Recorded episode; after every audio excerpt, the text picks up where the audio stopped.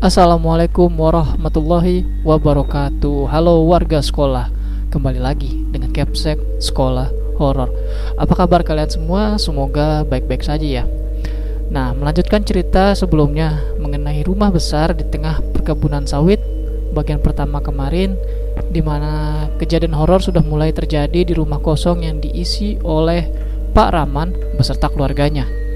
Apa saja yang akan terjadi dengan keluarga tersebut Semuanya akan diceritakan di video ini. Dan video kali ini masih bersumber dari akun Twitter at acep underscore 88 Sebelum kalian mendengarkan cerita ini, Capsek akan berterima kasih untuk like, share, dan komen kalian di video ini. Lanjut saja, saatnya kelas dimulai. Melangkah mendekati pintu depan rumah yang hanya berupa satu daun pintu dengan handle yang telah berkarat. Ia merogoh sakunya, mengeluarkan sebuah anak kunci. Selanjutnya ia membuka pintu tersebut dengan anak kunci itu. Pah, Indira jadi merasa ngeri begini. Rumah ini sangat menakutkan, Pah. Kata Indira sambil menatap ngeri ke arah rumah yang akan ditempati keluarganya itu jangan protes. Kita harus tinggal di sini daripada diusir orang-orang keparat itu. Hardik buar sini. Segera setelah kuisi rumah ini, aku akan menghabisi mereka semua yang telah membuat keluargaku terusir, termasuk kades keparat itu. Ucapannya perlahan hingga tidak terdengar oleh yang lain. Paraman tampak memasuki rumah kemudian memeriksa seisinya. Ia melihat ke arah lampu gantung di atas ruang tamu. Pasti ada semacam genset di ruangan ini. Aku harus menyalakannya agar rumah ini tidak gelap gulita. Gumamnya seraya menyorotkan senternya ke seluruh penjuru ruangan. Sementara Bu Arsini, Indira, dan Rana tanpa mengikuti Pak Raman. Mereka bertiga kemudian duduk di sofa yang telah berdebu karena memang sudah lama tidak digunakan. Apalagi sofa tersebut telah berada di dalam rumah itu dalam waktu yang cukup lama. Indira yang tidak menyusul ibu dan adiknya duduk. Tampak berdiri sambil memperhatikan sekeliling sambil menyorotkan lampu senter ke setiap penjuru ruangan. Rambut Indira mendadak berkibar, seolah sedang tertiup angin. Padahal pintu rumah telah ditutup, serta tidak ada angin yang berhembus saat itu. Suasana sunyi pun begitu kerasa Indira terkejut kemudian dengan cepat menghampiri ibu dan adiknya. Bu, rumah ini sangat aneh. Tadi seperti ada yang sedang meniup telinga Indira, Bu. Indira menatap ibunya dengan raut wajah panik. Kamu jangan mengada-ngada, dasar penakut. Tidak ada yang aneh dengan rumah ini. Sergah Bu Arsini sewot. Bu, Rana takut. Kenapa perasaan Rana seperti ada sesuatu yang memperhatikan kita ya? Kali ini Rana yang merasa ketakutan. Gadis itu merasakan seperti ada seseorang di belakangnya, bersiap hendak menyentuh bahunya dengan dua tangan yang berjari keriting serta menghitam legam. Beberapa lama kemudian Bu Arsini memarahi Rana karena tiba-tiba dia menjerit penakut banget sih jadi orang. Memangnya kau pikir kau tidak akan mati? Apa sih yang kau takutkan? Serapah buar sini. Pak Raman yang mendengar keributan tidak melanjutkan langkahnya menuju pintu belakang yang mengarah langsung ke halaman belakang. Ia berbalik menuju ruang tamu di mana Bu Arsini dan anak-anak berada. Ada apa sih? Kenapa ribut-ribut? Seru Pak Raman dengan gusar. Saat Paraman menjauhi pintu tersebut, tampak suatu siluet makhluk berambut gondrong menjuntai hingga ke kaki, melotot ke arah depan. Setelah mengatasi keributan di ruang tamu, Paraman pun mengantar istri dan kedua putrinya ke kamar masing-masing. Paraman memilih untuk mengisi kamar-kamar di lantai dua ketimbang lantai bawah. Alasannya lantai bawah lebih terasa mencengkamnya daripada lantai atas hingga tengah malam tiba. Di saat semua orang sudah terlelap di kamar masing-masing, pintu kamar di mana Bu Arsini bertempat tampak terbuka. Dengan pengisinya sudah tidak ada di sana. Rupanya Bu Arsini tengah berjalan menuju suatu pintu yang terletak di dalam lorong tidak jauh dari pintu belakang. Mumpung mereka sudah tidur, aku bisa menghubungi Wawagor.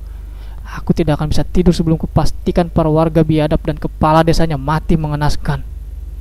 Kutuknya, seraya membuka pintu tersebut dengan sebuah anak kunci yang entah ia dapatkan dari mana. Bu Arsini memasuki ruangan yang berada di balik pintu tersebut.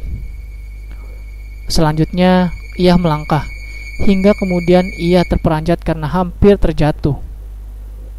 Rupanya bidang lantai di belakang pintu adalah anak tangga yang menuju ke bawah di mana terdapat sebuah ruangan rahasia bawah tanah. Bu Arsini lantas merogoh sakunya, di mana senter kecil ia simpan. Ia kemudian mengambil senter itu dan menyalakannya, dan selanjutnya menyoroti tangga yang mengarah turun tersebut. Tangga itu rupanya melingkar hingga ke ruang bawah tanah. Ia kemudian menuruni tangga tersebut perlahan hingga ia pun mencapai lantai ruangan bawah tanah tersebut. Di sana, Bu Arsini melihat semacam kolam berbentuk bundar dengan sebatang tiang gantungan. Tiang ini semacam tiang yang biasanya digunakan untuk menghukum gantung. Rupanya kolam tersebut bukan berisi air, melainkan lumpur yang amat pekat. Bu Arsini kemudian duduk bersila tidak jauh dari tepian kolam lumpur tersebut. Selanjutnya, ia mengeluarkan sebuah kotak kayu kecil berukir dari balik bajunya. Dibukanya lah kotak tersebut dan kemudian dikeluarkannya lah bungkusan kecil. Bungkusan itu terbuat dari kain serta beberapa lembar kulit hewan yang diawetkan dan dikeringkan serta diberi tulisan-tulisan tinta emas dan memiliki semacam simbol yang sangat dikenal di dunia okultis. Bu Arsini membuka bungkusan kecil yang ternyata berisi gumpalan seperti daun kering. Ia kemudian mencomot sedikit gumpalan daun kering itu dan menaruhnya di atas mangkuk kecil di hadapannya. Selanjutnya ia membakar gumpalan kecil daun kering tersebut dan menghisap asapnya hingga ia terlihat seperti sedang mabuk. Dalam keadaan teler, ia mengambil lembaran kulit hewan kemudian membentakannya sambil berucap perlahan. Wawagor, datanglah. Aku membutuhkan bantuanmu. Aku ingin Kau balaskan sakit hatiku pada orang-orang yang telah mengusir keluargaku. Bunuh mereka semua, dan jangan ada yang tersisa. Begitulah kata-kata yang diucapkannya. Setelah berkata demikian, Bu Arsini membanting lembaran-lembaran kulit hewan kemudian memungutnya. Keadaan terasa mencekam. Gelapnya ruangan bawah tanah tidak mampu menyembunyikan kehadiran suatu sosok negatif yang disebut Wawagor. Wawagor berwujud seperti manusia, namun berukuran raksasa serta memiliki sepasang tanduk seperti tanduk domba. Di kepalanya yang ditumbuhi rambut gelap yang panjang berumbai-rumbai. Makhluk tersebut menatap buas ke arah buar sini, kemudian berucap, Aku akan mengabulkan permohonanmu, tapi dengan syarat nyawa seluruh anggota keluargamu menjadi milikku. Kau tidak bisa menolak karena kau sudah terlanjur memohon. Bu Arsini terkesiap mendengar kata-kata Wawagor. Namun tekadnya sudah bulat dan ia pun menyanggupi syarat yang diminta oleh Wawagor. Ambil saja nyawa mereka semua. Saya tidak butuh mereka. Saya hanya butuh kekayaan dan kejayaan. Bu Arsini sudah lepas kendali Tampaknya ia sudah tidak mau lagi memikirkan nasib keluarganya. Padahal ia ingin membalas dendam demi keluarganya. Namun ke sininya ia malah akan mengorbankan seluruh anggota keluarganya demi membalas sakit hati kepada warga desa yang mengusir ia dan keluarganya. Wawagor kemudian menghilang setelah Barsini menyanggupi permintaannya. Hingga malam ketiga kemudian di rumah besar tersebut, suatu peristiwa horor terjadi. Di tengah malam, Indira terbangun dari tidurnya karena merasa ingin buang air kecil. Namun karena takut pergi sendiri, ia pun membangunkan Rana. Rana, bangun, antar aku ke kamar mandi dong. Aku sudah kebelet pengen pipulas. Rana tidak bergeming. Ia malah merapatkan pelukannya ke bantal guling yang dipeluknya. Rana, bangun, antar aku kamar mandi. Bangun Rana, bangun. Indira memaksa adiknya tersebut bangun dengan semakin keras mengunyangkan tubuh adiknya itu. Rana sedikit membuka matanya yang menoleh dengan malas ke arah Indira. Kenapa sih harus diantar segala? Bener kata mama kakak memang penakut. Ucap Rana dengan nada malas raya kembali membenamkan wajahnya ke bantal. Ah, dasar. Adi tidak berguna.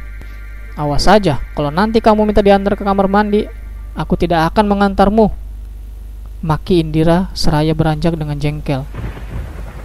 Ia pun akhirnya pergi sendiri ke kamar mandi yang terletak di ujung lorong yang melewati kamar kedua orang tuanya.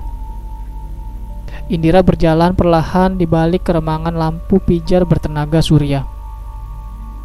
Saat ia lewat di depan pintu kamar ibunya, mendadak ia merasa seperti ada sesuatu sedang melintas dengan cepat di belakangnya. Indira segera menoleh ke belakang, namun tidak terlihat apa pun.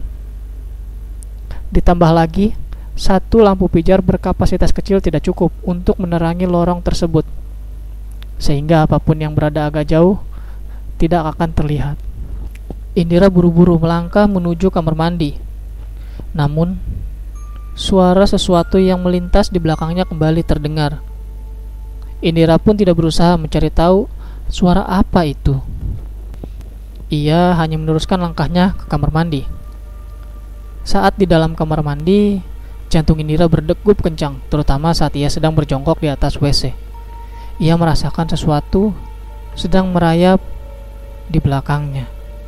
Sesuatu yang besar berukuran manusia dewasa dalam posisi kepala di bawah merayap dari langit-langit kemudian dinding hingga mencapai posisi di mana Indira berada. Sebelah tangan makhluk tersebut menyambar ketiak Indira kemudian mengangkatnya dan menyeretnya ke atas langit-langit. Indira pun menjerit, hingga suara jeritannya membahana memecah sunyi. Paraman yang tengah tertidur pulas lantas terbangun, kemudian berlari keluar kamar. Indira! Teriaknya sembari berlari menuju kamar mandi. Paraman tergopoh-gopoh mendatangi kamar mandi. Saat tiba di sana, ia celingukan mencari keberadaan Indira. Saat itu gelap karena lampu di kamar mandi dalam kondisi mati. Lama Paraman celingukan semanggil memanggil-manggil Indira. Indira, kamu di mana nak? Ia mengedarkan pandangannya ke seliling, namun tidak juga menemukan putri sulungnya itu. Indira, ucapnya saat melihat siluet seseorang sedang berdiri di atas tembok pembatas toilet dengan kamar mandi. Saat ia mendekati siluet tersebut, mendadak sosok itu jatuh berdebum, kemudian telungkup di lantai. Indira, Indira! Paraman berteriak histeris saat melihat kondisi putri sulungnya yang telah tidak memiliki rupa lagi karena habis oleh luka-luka berat yang berdarah-darah di sekujur tubuhnya. Tentu saja, putri sulungnya tersebut telah tidak bernyawa lagi. Paraman hanya bisa menangis, meratap di hadapan jasad putrinya itu. Ia juga berkali-kali memanggil istrinya dan putri keduanya, namun tidak ada jawaban. Mama, adik, tolong kemarilah, lihat kakak. Teriaknya. Di saat itu mendadak terdengar teriakan Rana. Tolong!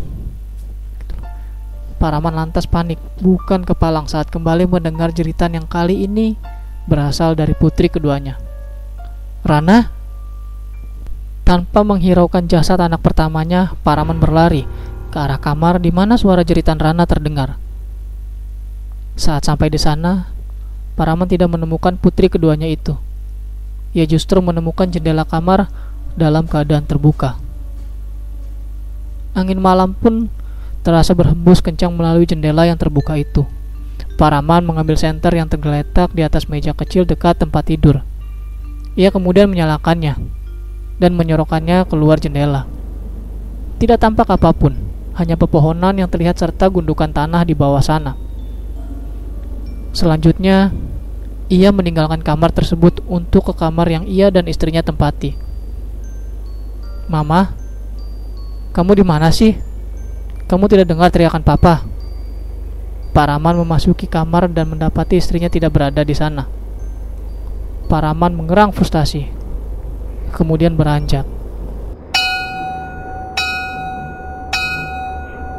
Dan itu dia, cerita mengenai rumah besar di tengah perkebunan sawit bagian kedua.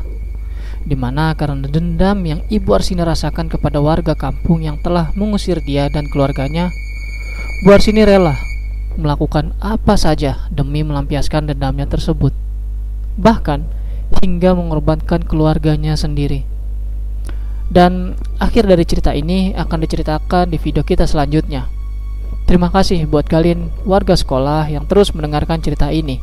Dan terima kasih juga kepada akun Twitter at acep underscore saeb 88 yang telah memberikan kami izin untuk membacakan cerita ini. Jangan lupa like dan share video ini agar warga sekolah horor semakin bertambah. Dan sampai jumpa di kelas berikutnya.